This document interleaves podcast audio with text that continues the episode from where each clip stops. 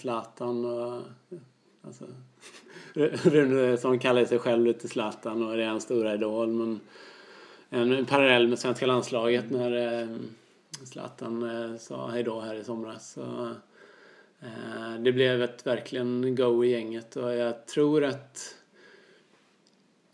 ja, ett litet uppvaknande kanske. Att, eh, nu eh, har vi det här löpmaterialet. och men vi kan verkligen göra något tillsammans liksom. Om, om vi alla höjer oss ett snäpp då eh, kan vi kompensera för det där. Och våra teamresultat de senaste två åren är inget att skryta med liksom.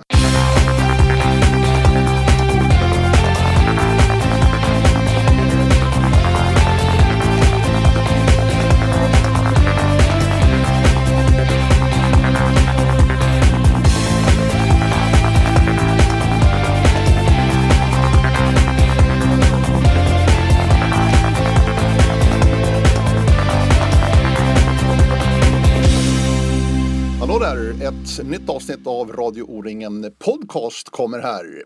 I avsnitt 82 så åkte jag, Per Forsberg, till Kristianstad för att träffa göteborgaren Ola Martner. Det var förresten Andreas Eklund som skickade ett mejl till radio oringen.se och önskade just Ola Martner som gäst här i podden. Som ni hörde i ingressen så kommer Zlatan att avhandlas och detta i samband med att Johan Runesson flyttade till Finland i höstas och bytte till Tamperen Pyrentö. En flytt som både berörde och överraskade de övriga i GMOK.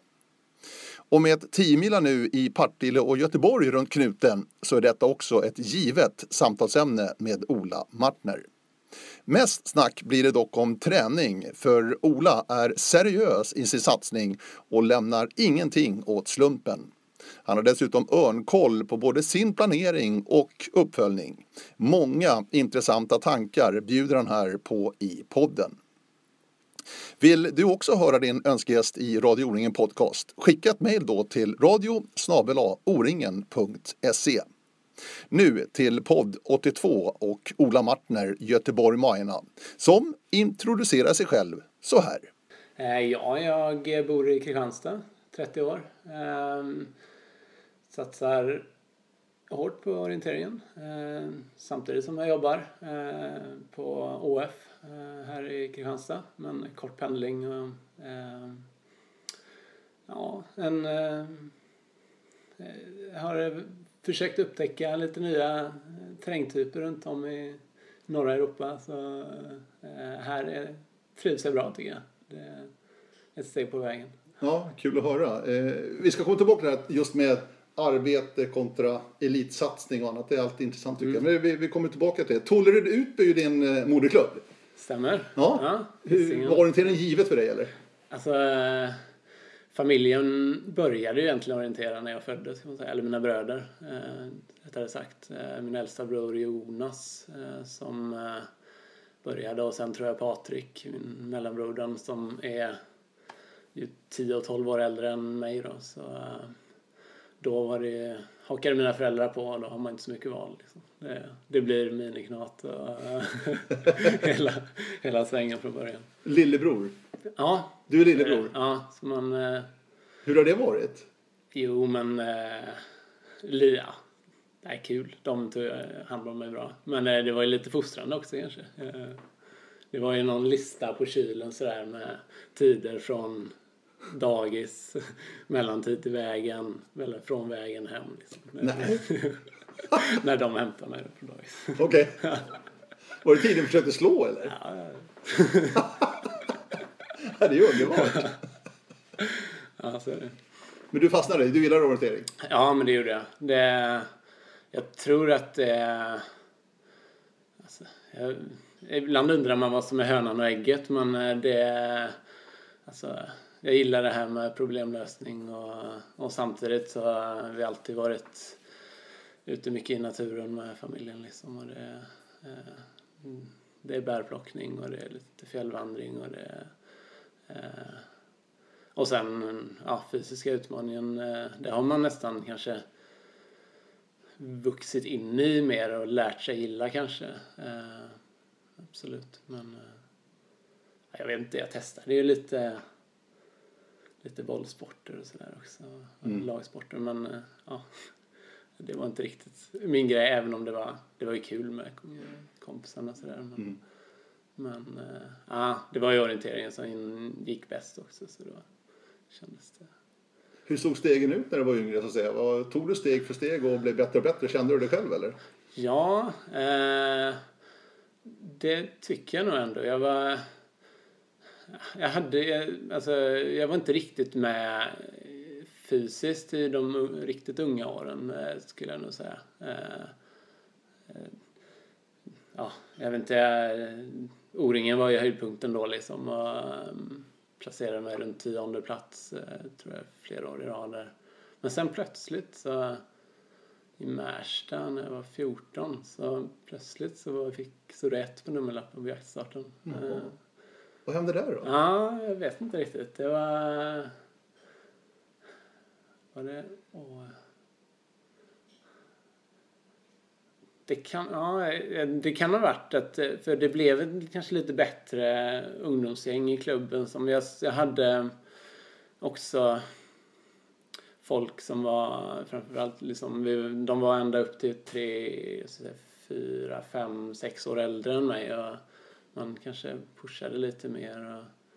Och, eh, sen började det ju närma sig med ja, man skulle på konfirmationsläger, det var i och för sig eh, året efter och man började tänka lite på kanske gymnasie och gymnasie och mm. Men nej, jag vet inte, det var lite lite oväntat. Det vet jag inte, kanske att det var lite att orienteringen fick en större större ja, det är en viktigare del mm. i det. Att jag var ju bättre tekniker och jag vet jag var ju ja, i och för sig, Dalarna var jag väl fyra tror jag. 99 då? 99. Som 12-åring? Ja, precis. Mm. Tror jag. Ja. ja, jag tror jag var fyra. Ja.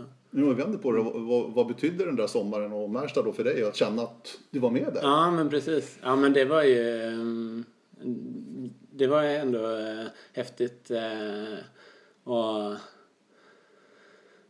Ja, men jag tror att det triggade mig också lite att äh, just att man fick de här drömmarna framåt liksom. Och, det, alltså, det är ju på en, en lite annan nivå liksom, vad man, hur man tänker nu liksom. Men, ja, det var ändå det var, det var häftigt. Och, Höll du undan där någon då? Nej. Det var nerverna. Vad, nej, sen, vad hände? Nej, det, det, var ju faktiskt lite eh, små genombrottet också för eh, sen Micke Kristensson som eh, eh, jag var väldigt nervös, absolut. Jag hade två minuter på honom. Eh, och gjorde någon krok och sådär men jag tror det blev det, det plötsligt, jag hade, inte, jag hade inte varit liksom, jag vann ingen etapp eller så så att det var ju det kom, det var lite så här plötsligt och man eh, fick lite nerver så här. Men ja, det blev en tredje plats jag var uh ändå, det var ändå, det var ändå väldigt häftigt. Men det kändes som ett litet genombrott ändå för dig? Ja, men lite som ungdoms... Ja. ja. absolut. Och sen var jag ju ändå... Jo, sen var jag ju lite hög på USM och, eh, och eh, kände att det hade tagit... Ja, det blev ett steg där, absolut. Och så efter det så... Jag tror jag la ner handbollen och eh, tennisspelandet lite också mm. sen då. Så mm. det, ja, började fundera lite mer kring träning och sådär. Men det, och det är då också man, man behöver börja kanske jag kände jag behövde ju ta ett steg eh, till där också för att eh, det blir lite tuffare om man ja, det blir mer och mer eh, krävande och fysiskt liksom. Mm. Det går inte bara att leva på bara talang. Liksom. Nej, men som 14-åring kan du det. Det, kan, ja, det hävdar jag i alla fall. Ja, det tror jag. Ja, om man tycker det är kul och mm. man har fysiska förutsättningar. Ja, precis. Så kan man nog leva ganska bra på talang. Men sen när man blir 15-16 så börjar det hända saker. Ja, absolut. Sprang du för Tour fortfarande? Ja, det gjorde jag ända till jag var 18. Eh, och där kan man säga att efter jag tog det steget så eh, det planade ut lite liksom. Eh, Men jag kom in på eh, Eksjö och det var jättehäftigt. Men jag fick skador och hade mycket problem med benhinnorna. Så jag, ja. Jag sprang men ganska sporadiskt sådär liksom. Men sen hände det något. När jag bytte till GMOK. Eh, Det tror jag blev 20 i juniorcupen som 18-åring och sen plötsligt så var jag i juniorlandslaget ett halvår senare liksom. Det, ja. Någon nytändning sådär liksom. Ja. Eller något som jag tror jag egentligen hade en grund. Eh, absolut. Eh, men det var nog lite, jag tror att det var lite mentala bitar som föll på plats också. Eh, Vad och tänker du på då liksom? Ja, men jag, dels är det lite lättare när man... Jag vet, jag, jag, jag började hitta lite rutiner innan start och sådär. Mm. Eh, eh, försökte styra med andningen och var liksom, det var lite, lite nya områden för mig. Och, och det funkade väldigt bra. Och sen, det är lite också när det börjar gå bra. Det, Mm. lätt att det, det är något som släpper och plötsligt, ja men det här går ju faktiskt, man visar för sig själv lite. Mm. Men andningen innan start, vad, vad, vad innebär det? Ja men alltså det är ju så andningsövningar som man, jag gjorde ju det med så här band och grejer på kvällarna liksom och tänkte att ja men gå från ett liksom ett väldigt nervöst tillstånd till att komma in i nuet och verkligen fokusera på det, det du ska göra. Då är ju andningen har ju väldigt väldigt lätt och bra sak för att just hitta ett lugn och, och jag, jag vet inte, det kanske var bara en grej för mig också för att okej nu var det tävlingsdags liksom, nu är det fokus på så men Men det hjälpte? Ja, absolut. Ja, det är det viktigaste det. Ja, Ja. ja, precis. Så det var, ja. Nej, det var häftigt. Det, Men Eksjö där så är det i gymnasietiden, mycket skador och lite stökigt Mm. ja, sådär alltså. Ja, men precis. Det är ju så det är många som åker på det som man börjar träna. Blir det lätt för mycket tror du? Att man dras med eller? Ja, men så är det ju. Eh, eh, alltså det blir eh, en annan... Eh, ja, men du följer ett träningsprogram också som är satt av... Eh, och och det, det som ska funka för alla. Om det är klart man ska man, man ska plocka ut det som och stegra på ett klokt sätt liksom. Men det, det är kanske lättare sagt än gjort.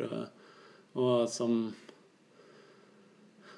Ja, men jag tror man ligger på väldigt olika nivåer eh, som ungdom liksom. Och det är, i klubbarna är ju liksom väldigt olika tänk sådär.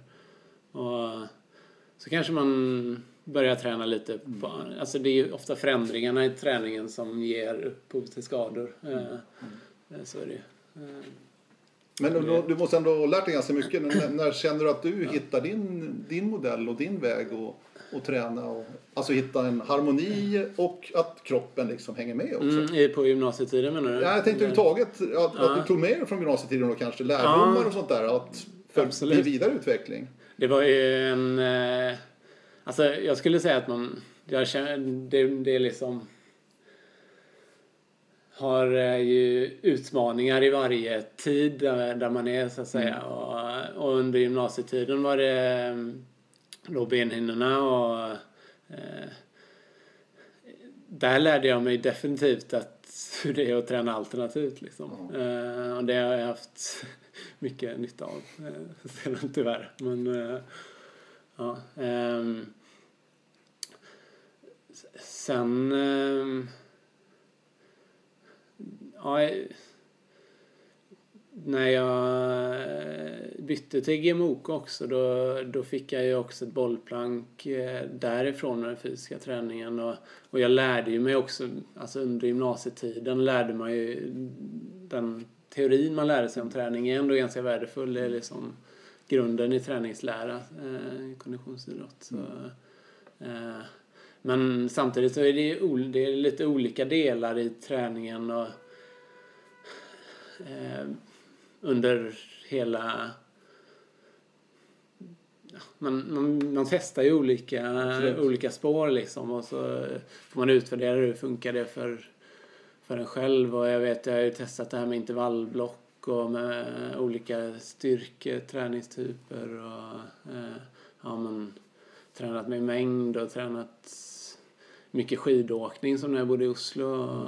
Eh, ja, eh, det var ju någonting jag svarade väldigt bra på. Eh, Skidåkningen? Ja, mm. verkligen. Mm. Den grunden. Eh, mm, allmän styrka som det, det byggde. Eh, jag försökte ta med det hit också med rullskidor och skate-rullskidor som vi upptäckt på sista året. tycker jag funkar väldigt bra. Mm. Framförallt när det är så platt som det är. Ja, så, ja. vi sitter i Kristianstad alltså. Ja, ja, precis. Du känner att du är nyfiken lite grann på att hitta liksom, träningsvägar eller vet du ungefär hur, nu är du 30 år sedan ja, du säger. Alltså. precis. Eh, men, börjar bli gammal. Nej, det ska jag inte säga. Jag, jag, jag tycker inte det. Nej, nej, nej. nej men alltså, nej. förstår du vad jag menar? Mm. Du har provat, provat lite olika liksom, under resans gång. Ja, men verkligen. Um, det, jag tror man behöver vara nyfiken. Uh, både liksom nu har jag haft Ola Jordahl i, i GMOK som också är nyfiken och mm. då kan vi liksom tillsammans eh, testa och eh, samtidigt så gäller det att eh, hålla kvar vid det som funkar och sen identifiera områden. Men här behöver jag utvecklas. Vad kan jag, hur kan jag inspireras av andra att eh, göra vissa modifikationer och, och ja, men, och, och, men samtidigt tror jag att det är lite farligt att testa något helt nytt också för när man pratar det här med eller förändra allt för mycket som det jag har lärt mig är ju verkligen att skadorna knackar på dörren när eh, det blir väldigt stora förändringar mm. i träningen. Mm. Eh, kroppen behöver anpassas till den belastningen. Men äh, ja, det, min träning ser, äh, ska inte säga helt annorlunda ut mot för fem år sedan men det har hänt ganska mycket tycker jag. Ja det är så alltså? Ja, ja men det, sen, Och det är framförallt den fysiska biten vi pratar om nu va?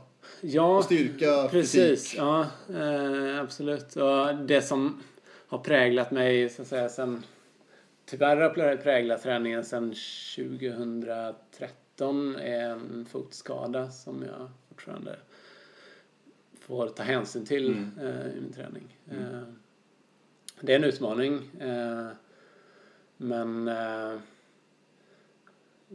jag tror fortfarande på att det går att, eh, att, att eh, ja, slåss om VM-medaljer mm. med den kroppen jag har. Och, ja.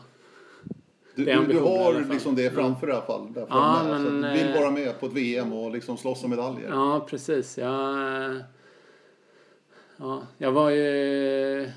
Tyckte att jag var lite på gång där i 2012 och ta det steget. Ehm, men, eh, ja. Du fick vara med på EM då? Ja, det fick jag. I Falun? Väldigt häftigt. Borlänge? Ja. ja. Det är ju ditt enda seniormästerskap kan man Precis, säga. Precis, så är det. Ja. Uh, ja. Uh, ja. Så det måste ändå varit ett skönt kvitto. Du kommer med i truppen och ja. får ner och springa liksom. Men det var ju också en sån där eh, plötsligt tyckte jag Ja, men från att på de här Swedish League eller Silva League heter det nog då tror jag. Eh, ja, men varit ganska långt ner. Jag tror inte jag hade någon topp 10 placering och sen plötsligt så släppte det liksom. Mm. Och, och det är också, tror jag också har att göra med någonting att det, det, jag tror inte att jag plötsligt blev jättemycket bättre utan det var snarare att eh, jag, jag trodde på det liksom. Eh, De mentala bitarna. Ja, verkligen. Jag fick två, det var ju två tävlingar i Göteborg där. Eh, Mm. Och kände mig trygg med det liksom. Och sen kunde man rida lite på den Mm. vågen. Men eh, ja. Nej, sen blev det en tung vinter som 2000... Jag tränade jättebra då, eh, 2012, 2013. Jag var i princip klar med utbildningen och ritade lite kartor liksom. Men eh, det blev nog lite för mycket också för att eh, jag sen började jag dessutom jobba 70 procent då men flyttade till Oslo. Och det, ja, det funkar inte. Det tog stopp. Inte helt eh, så, men eh, jag kom inte upp i... Mm. Ja, jag blev väldigt sliten. Men det du säger Ola, det är ju det är, det är flera som säger det. Just det här att man tränar så pass mycket att, att man går sönder till slut. Alltså, den, här, den här gränsen, Mm. den är väldigt svår, suddig, luddig. Eller? Alltså det gäller ju att flytta fram den eh, sak- sakta men säkert. Eh, Absolut. Och, och man, jag tror man har olika utmaningar i det. Vissa, så vissa går sönder helt enkelt. Eh, och drabbas av skadeproblem eh, på olika sätt. Och andra kanske har mer att eh, alltså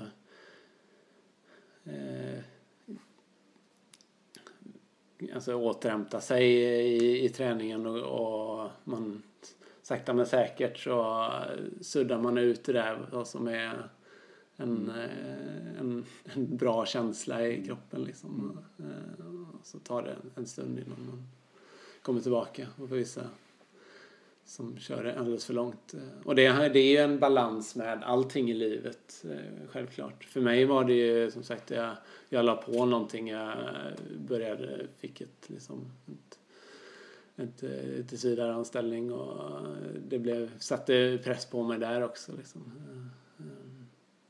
Då kom vi in på det här som jag sa inledningsvis. Mm. Det här att kunna kombinera ett jobb, att Mm. kunna försörja sig Ja, med en elitsatsning. Det är Absolut. inte lätt alla dagar i veckan. nej, nej, det är... Det är ett pussel. Ja, så det är en utmaning för en elitorienterad, absolut. Eh, För det är väl lite som eh, Emma Bergman, då, din sambo, sa här innan vi satte igång här. Mm. Att det är nog inte så svårt att hitta tid att träna. Nej, Men återhämtningen, ja. Det är ju den man glömmer bort oftast utifrån sett sig där. Men det är väl bara att träna. Ja, men, men- som sagt var, återhämtning är ju minst lika viktig. Så är det och så börjar man lägga pussel liksom och träna på väg till jobbet kanske och, och sen eh, liksom duscha och så vara där och så sätta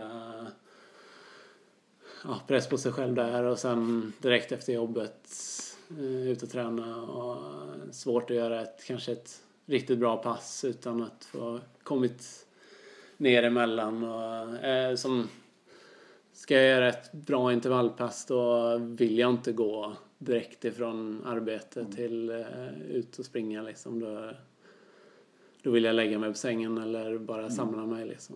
Eh, Och, och samma sak med teknikträning och ehm, ja, det...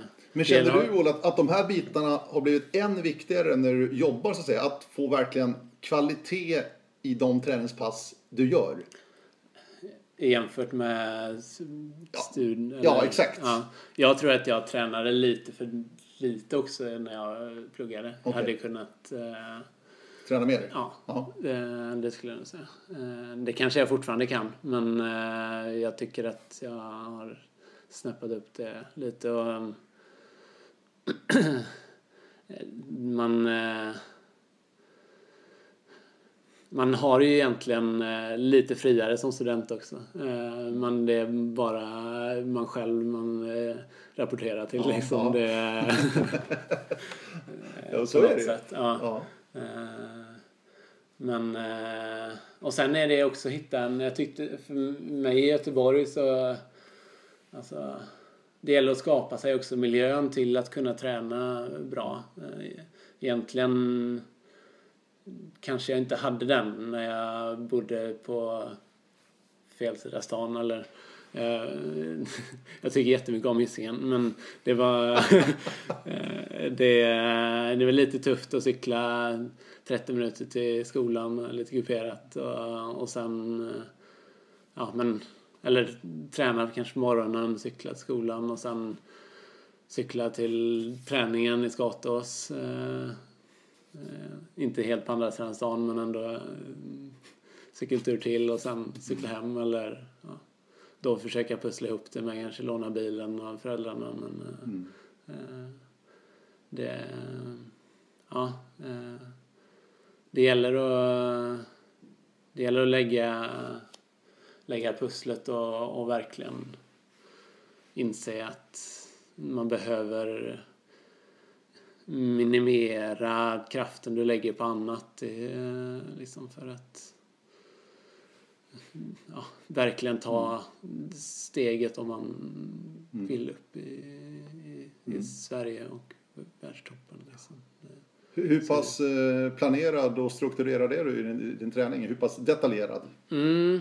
Eh, nu tycker jag jag hittat en väldigt bra modell. Jag har alltid varit, alltså det här med statistik, analys och siffror och grejer, det, är ju, det gillar jag ju. Det är din grej. Ja, jag vet det. Ja, absolut. Så eh, på det sättet eh, har jag, är strukturerad. Men jag, jag tycker att nu hittat en bra modell, lägger upp ja, men såklart en årsplan och vet ungefär vad, vad som händer och eh, hittat en bra här, pulsering utav träningen. Eh, jag ska ha var tredje vecka så har jag en liten period där jag nu ska jag vara återhämtad liksom. Eh, och, eh, och, ehm, och sen då de här tre veckors cyklerna så lägger jag också upp den tillsammans med Ola då. Eh, eh, En mer detaljerad plan pass för pass. Och, eh, dessutom eh, ja, så har jag, har utvecklat eh, Must Strengths eh, träningsdagbok. Eh, tror jag många känner igen. Mm. Excel-bladen här och har kunnat göra en liten expansion utav den då för att passa mig. Och, ehm, ja, men nu tycker jag också vi har hittat en, en lite mer röd tråd i, i träningen och verkligen eh, titta på vad jag behöver utveckla. Och, eh, han, det är tydligt att Ol- Ola är ju framförallt på den fysiska biten och, och jag, jag tror ju fortfarande även om idag kanske det var det tekniska mer som, eh, som ställde till det för första Swedish League här. Eh, Men ehm, eh, Eh, jag tror ändå att ska jag ta ett steg till så handlar det ju om att eh, optimera min fysiska träning. Eh, så, som jag kom in på innan så har jag en fotskada som begränsar mig till en 8-10 timmar löpträning i veckan. Och det är ganska mycket men det är inte, du får inte slarva bort de timmarna liksom. Och, och sen också nu tycker jag också att jag har försökt att ja, men, eh, utvärdera min, min alternativträning mer också så att den det blir bra Mm. inte säga, men det blir inte kvalitet alltså, med i det meningen att allting blir hårt men bra, får ut det jag vill utav träningen på samma sätt som om jag hade ett löppass liksom, eller om jag hade kunnat springa hur mycket jag vill. Vad är alternativträning för dig, Jonas? Framförallt. Ja, ehm, där eh, har jag hittat eh, dels som jag kom in på innan skate eh, Ja. rullskidor. Mm. Eh, eller skidor ska jag säga är ju min eh, är nog favoriten liksom. Men i Oslo hade jag på snö mycket eller tre, fyra månader om Mm. året. Mm. Eh, här eh, är det på asfalt. Eh, Det är en grej. Sen har jag också hittat till simhallen. Förr sprang jag mycket i vatten med väst liksom. Mm. Men så började jag testa och kråla lite. Och, ja, men det fun- lärde mig sakta men säkert liksom. Okej. Och la in liksom bara så här två 200 meter efter, eller två 200 efter jag hade sprungit vatten Mm. liksom. Och, men så lärde mig och kunde efter något halvår liksom obehindrat simma Mm. en och en halv timme bara eh, simning så att säga. Eh, Okej. Eh, Fick lite tips på vägen. Emma, min sambo, är, är, gammal simmare Ja. också. Så eh, det tycker jag är väldigt bra. Ja.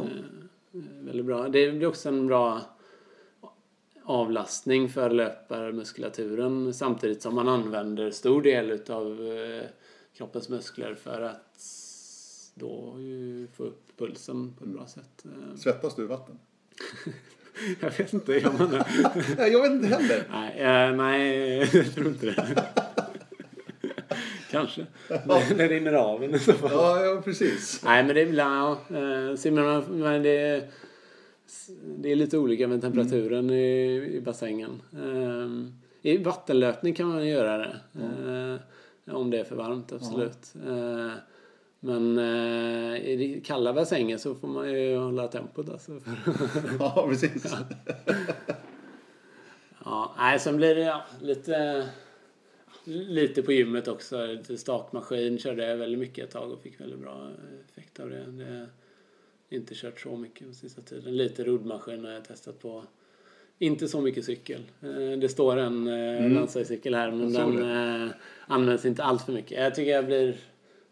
Alltså, i perioder där jag springer mycket så blir jag stum i benen utav det. Så att, Det är eh, helt andra muskelgrupper. Ja, det är framförallt det- framsidan med det. Ja, precis. Och jag har också haft mycket problem med framsidan. Att jag blir sliten i den och då lägger jag på för mycket cykel. Det, nej, Mm.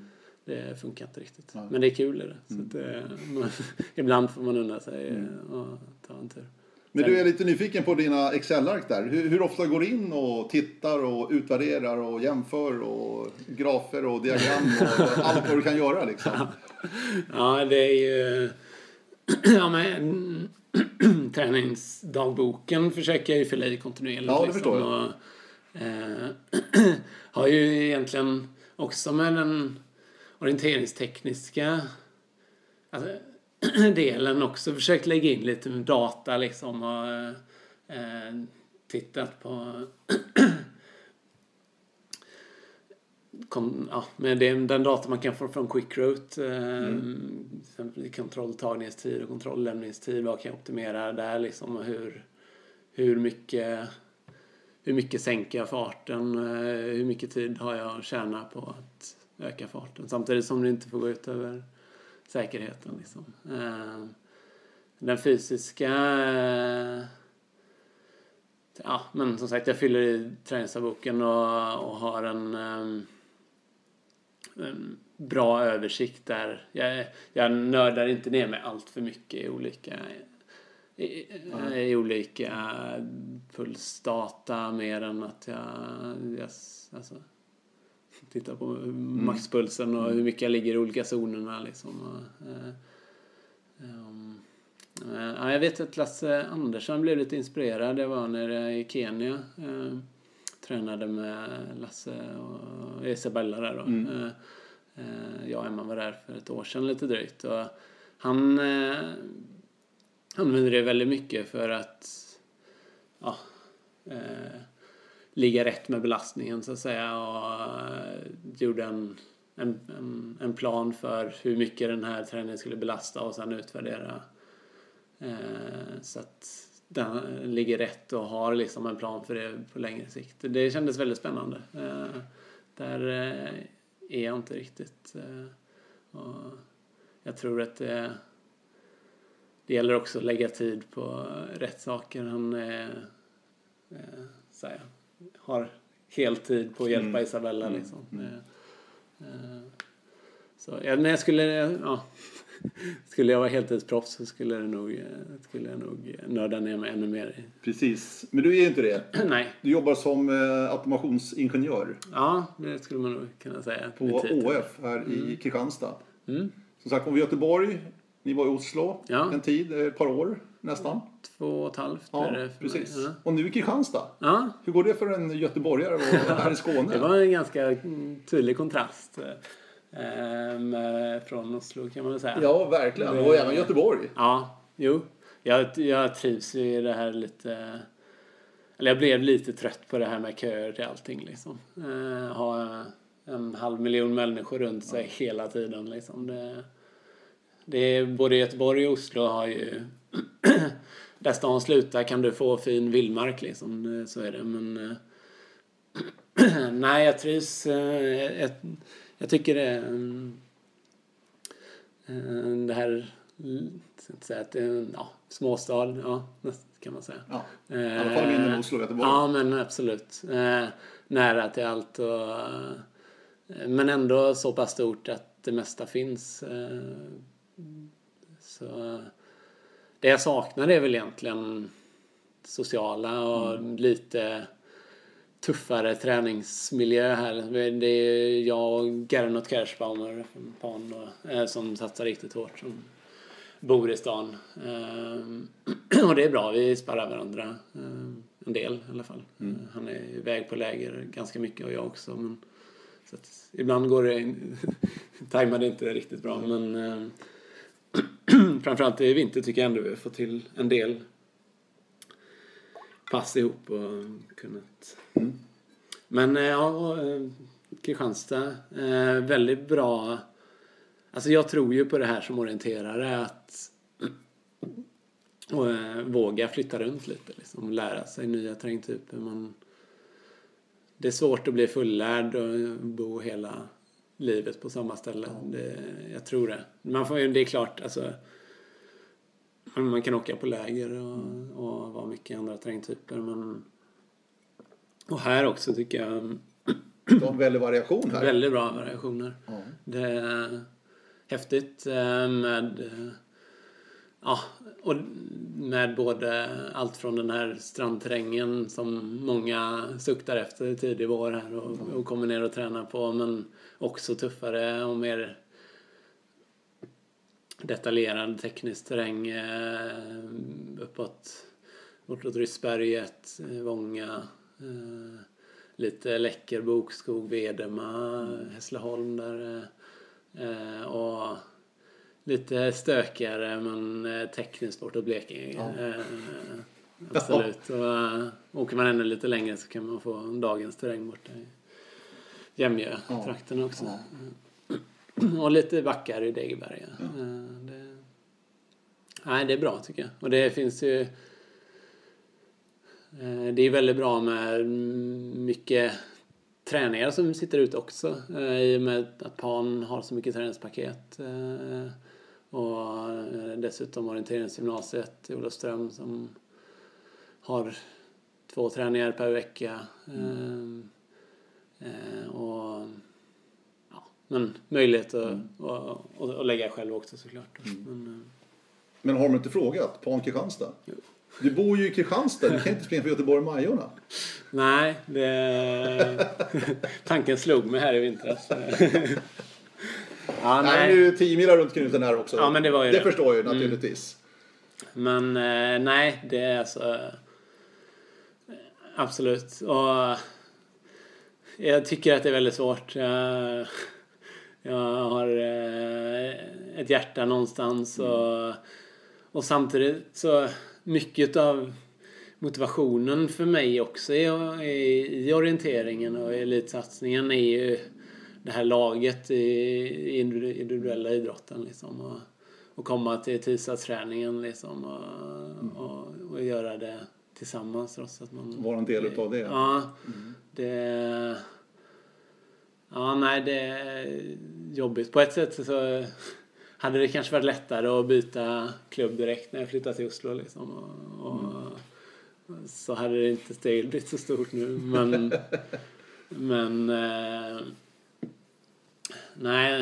Eh, sen som du sa, 10 mila. Det, det triggar ändå att eh, och det var ju, skulle jag säga, framförallt det som har gjort att jag har stannat nu de, eh, som de eh, sista åren. Sen, eh, sen är det ju en, alltså, det, jag, jag trivs ju i gruppen Absolut, i GMOP och det, det, men jag tror ju att, alltså min grundinställning är ju ändå att jag bidrar mer i en klubb på plats liksom. Så är det. Så att, nej, det var inget lätt beslut här i vintras att ändå, ändå stanna kvar. Och, mm. Jag pratade en hel del med, med Paner. Så ja, vi, vi får se framöver ja. vad som händer. Men nu, nu känns det väldigt kul att, att göra den här mm. säsongen här för GMOK i alla fall.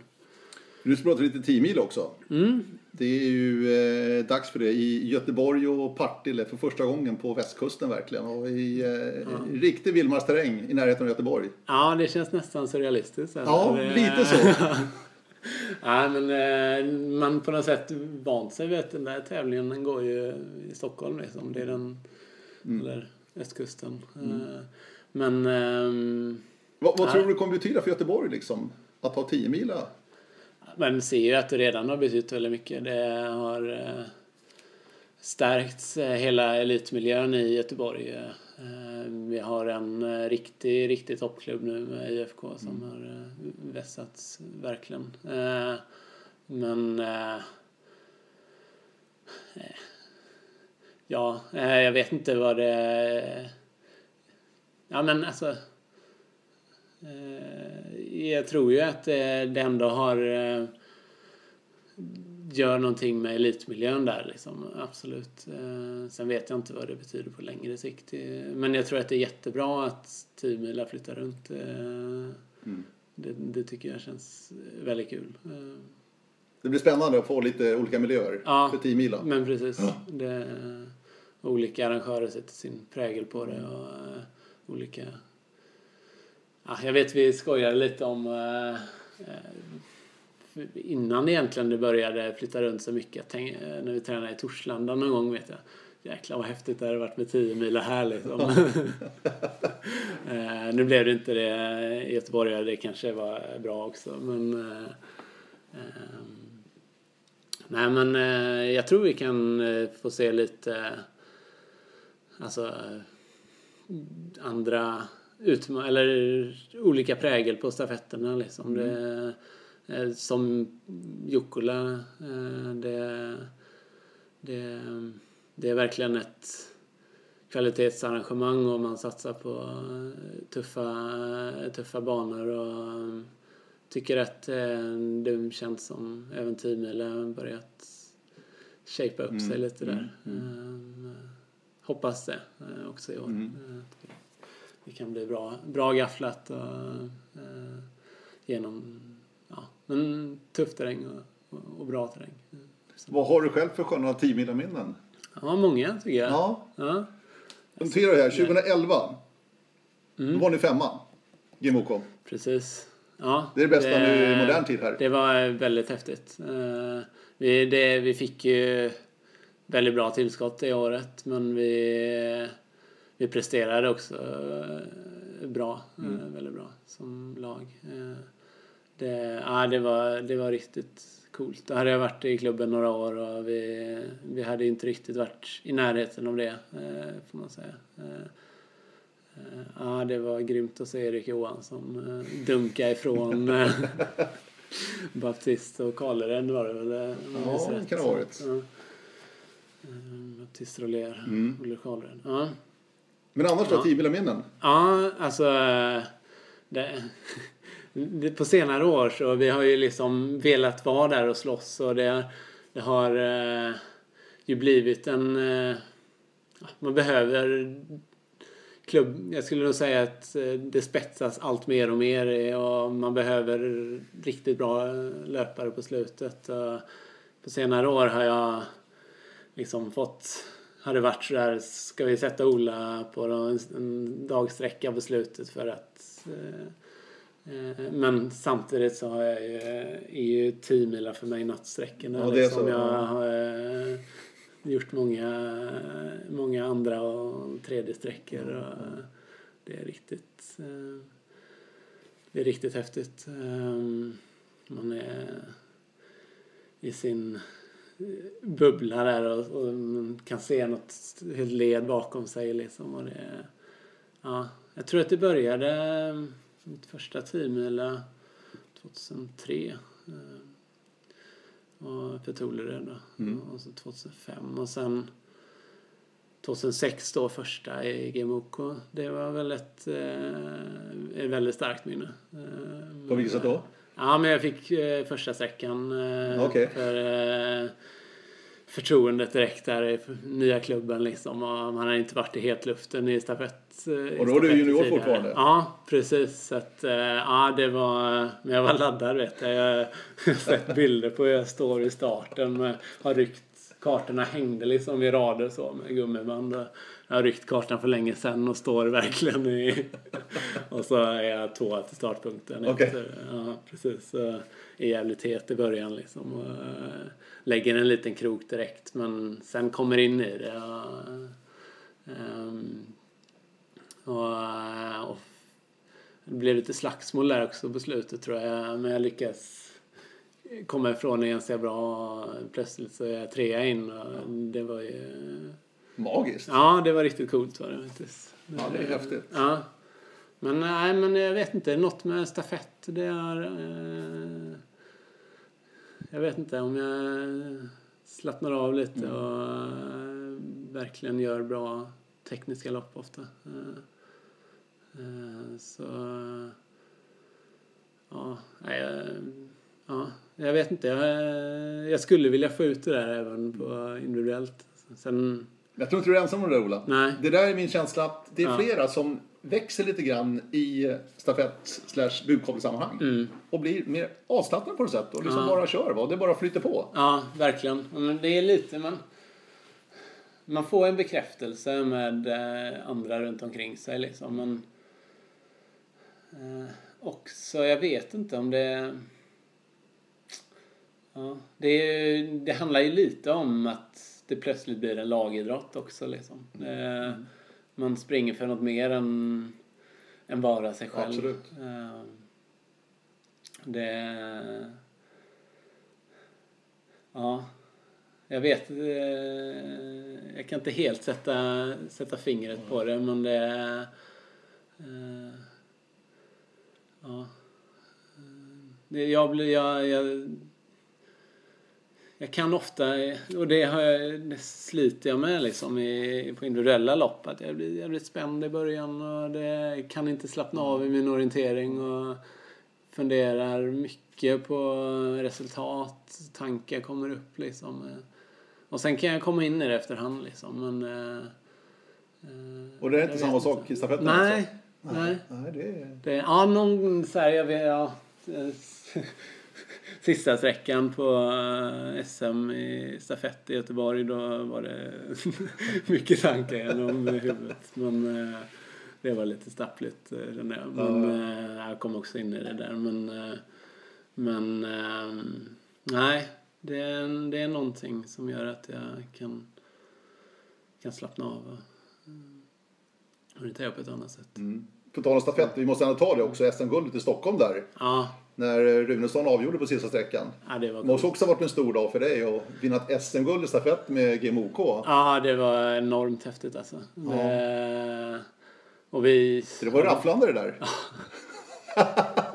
Det var, jag vågade knappt se på Det var så, va? GPS-trackingen. Alltså. Ja, det var, det var skakigt. Det, nej, det, var, det, det var coolt att äntligen få... Ja, men som, alltså, det kanske är bättre egentligen med en sjätteplats på Jukkola eller femteplats på 10 mila om man... Men att, vi, att få vinna liksom eh, och, och göra det med ja, kompisarna där liksom. Det, eh, och vi hade gjort väldigt bra lopp alla tre. Eh, Det, och var en bra form också tycker jag. Och, och det, det syntes på Runesson att han skulle ta det. Ja, det var verkligen så. ja, det, Ja. Men nu om vi backar tillbaka till 10 mila. Mm, Nu har du inte Johan Runesson kvar. nej, Tyvärr då i GMOK. Han har ju gått till Finland och Tampere Pyrynte. precis så är det. Ja, det var lite... Vad känner ni i GMOK inför 10 mila på ja, hemmaplan då i Göteborg och Partille? Ja, eh, alltså... Ska jag ärligt säga att det var ju lite en, en chock eller eh, verkligen en besvikelse i, i höstas. Det kom lite från... När Johan sa att han ja, skulle byta? men precis. Ja. från en klar himmel lite så. Eh, jag, jag trodde nog att han, kan, att han hade planer på något annat, något nytt. Men Finland var överraskande. Finland var överraskande, det var det. Eh, absolut. Jag tror, att, eh, jag tror att det är bra för honom. Han eh, får en eh, nytändning och en ny, eh, ny miljö. Och det tror jag blir jättebra. Men eh, på något sätt så kände jag, trodde nog att vi liksom... Vi, tio på hemmaplan hade ju varit en, en grej för oss länge liksom. Och, ja, eh, jag trodde nog att de skulle stanna över. eh, Och det trodde nog mina lagkamrater också. Men... ehm, det som hände var ju att det blev en väldig besvikelse liksom först. Och lite struligt i början sådär liksom. Men, eh, Allmänt så liksom. Ja, men precis i gruppen. Det var lite... eh, Ja. Eh, Och, och för mig blev det också en... Ja, men vad händer nu liksom? Ska jag börja fundera på något annat också? Eller vad händer med den här 10 satsningen liksom? Men eh, sen hände det något lite eh, häftigt eh, när liksom vi bestämde oss för att, från, för att köra. Det blev liksom lite parallell med, med Zlatan och alltså, Rune som kallar sig själv lite Zlatan och det är hans stora idol men en parallell med svenska landslaget när eh, Zlatan eh, sa hejdå här i somras. Så, eh, det blev ett verkligen go i gänget och jag tror att ja, det är lite uppvaknande kanske att eh, nu eh, har vi det här löpmaterialet och eh, men vi kan verkligen göra något tillsammans liksom. Om, om vi alla höjer oss ett snäpp då eh, kan vi kompensera för det där. Och våra resultat de senaste två åren är inget att skryta med liksom. Nej. Det, ja, det, det är inget bra. Och eh, då hjälper det inte att ha Runesson på sista sträckan. Liksom. Det, det gäller att jobba som ett lag och eh, det, som sagt, det har blivit ett jäkla go i, i truppen. eh, Och, ja, jag tycker att det ska bli väldigt spännande. Och för min del också. Jag eh, Det är tycker det är lite för dig, häftigt. Och, ja, ja, men gå upp från den här mittfältsrollen liksom. Och, eh, upp och, Till Zlatan-rollen. Ja, ja jag, ska, jag ska nog inte vara, jag ska nog inte ta den här Zlatan-rollen riktigt. Det, Elmander kan du vara. ja, precis. En riktig öistare, det Ja. passar mig. Ja, men... Eh, nej, men det är verkligen en... Eh, jag har sprungit lite sista sträckor. Absolut lite som stand-in mer, men... Eh, det blir en ny roll och eh, känns väldigt spännande. I, I laget då, IGMOK, eh, bygger ni mycket av det här på att ni känner er väldigt confident liksom, med vad som väntar terrängmässigt? Det här kan vi liksom. Är det så ni bygger? Ja, men eh, det tror jag att eh, vi... Ja, men det, alltså en, en, den tryggheten eh, bygger vi absolut på. Och, eh, och jag tror verkligen att eh, många eh, har ett plus i Göteborgsterräng. Det är många inföd, in, infödda i laget så att säga. Och, eh, vi har haft en... en eh, Ja, men det händer lite också organisatoriskt här också. Vi har en, eh, börjat samarbeta med en, eh, en eh, mental coach och stärkt lagbygget kring det och, och verkligen förbereder oss för det här. eh, Det som väntar på eh, ja, det mentala planet. För det blir också, det är lätt att det blir en, en press också med det här att vi, man mm, ja, står där på hemmaplan och plötsligt så eh, är det det här som är den stora chansen liksom. Är det lätt att det kan bli för stor press? Men tror, det kanske är det som har hänt de senaste åren också. Jag, jag tror det, att det är lätt att det blir mycket resultatfokus och, och um, en tro också att, man, att vi behöver överprestera um, för att uh, ja, men ja, eh, för att nå dit vi, vi vill och um, att eh, vi inte bara kan gå ut och göra de här eh, avslappnade eh, bra stafettloppen som det egentligen handlar om mycket på 10 mil. Alltså de, nu, det är en del klubbar som har steppat upp lite nu. Jag är inte säker på att man kan ligga med lika länge som förut på bara bra stafettlöpare men mycket, ja, verkligen mycket handlar om det i de sex, sju första sträckorna. Mm. För många lag i alla fall. Eh. Hur mycket pratar ni i laget, ni som ändå är ett topplag? Kanske inget mm. vinnarlag i slutändan, det kan nog bli tufft tror jag för GMK ja, att vinna själva 10 milen. Men ändå en bra placering. Hur mycket pratar ni liksom att nu är det upp till var och en att verkligen göra sitt lopp alltså? Att minimera misstagen, för det är det det handlar om väldigt mycket. Ja, men det är ju det. Och halkar man efter, då är det otroligt svårt att ta sig ja. tillbaka för att lagen är så pass bra nu för tiden. Ja, nej men vi pratar mycket om att bära vatten liksom. Ja, och, exakt. Och, eh, ja men just det här med normal is enough och eh, gå ut och göra sitt. Och jag tycker att om man ser på förra året att vi, vi fick en så jävla, fick en riktigt bra stafettkänsla på de mindre stafetterna vi hade mm. innan. Vi, det blev segrar på både Stigtomta och Sjumanna mm. med bra stafettlopp mm. Eh, rakt igenom. Eh, så, ehm, och det är också om man ser på det samarbete vi har haft med den här mentala eh, coachen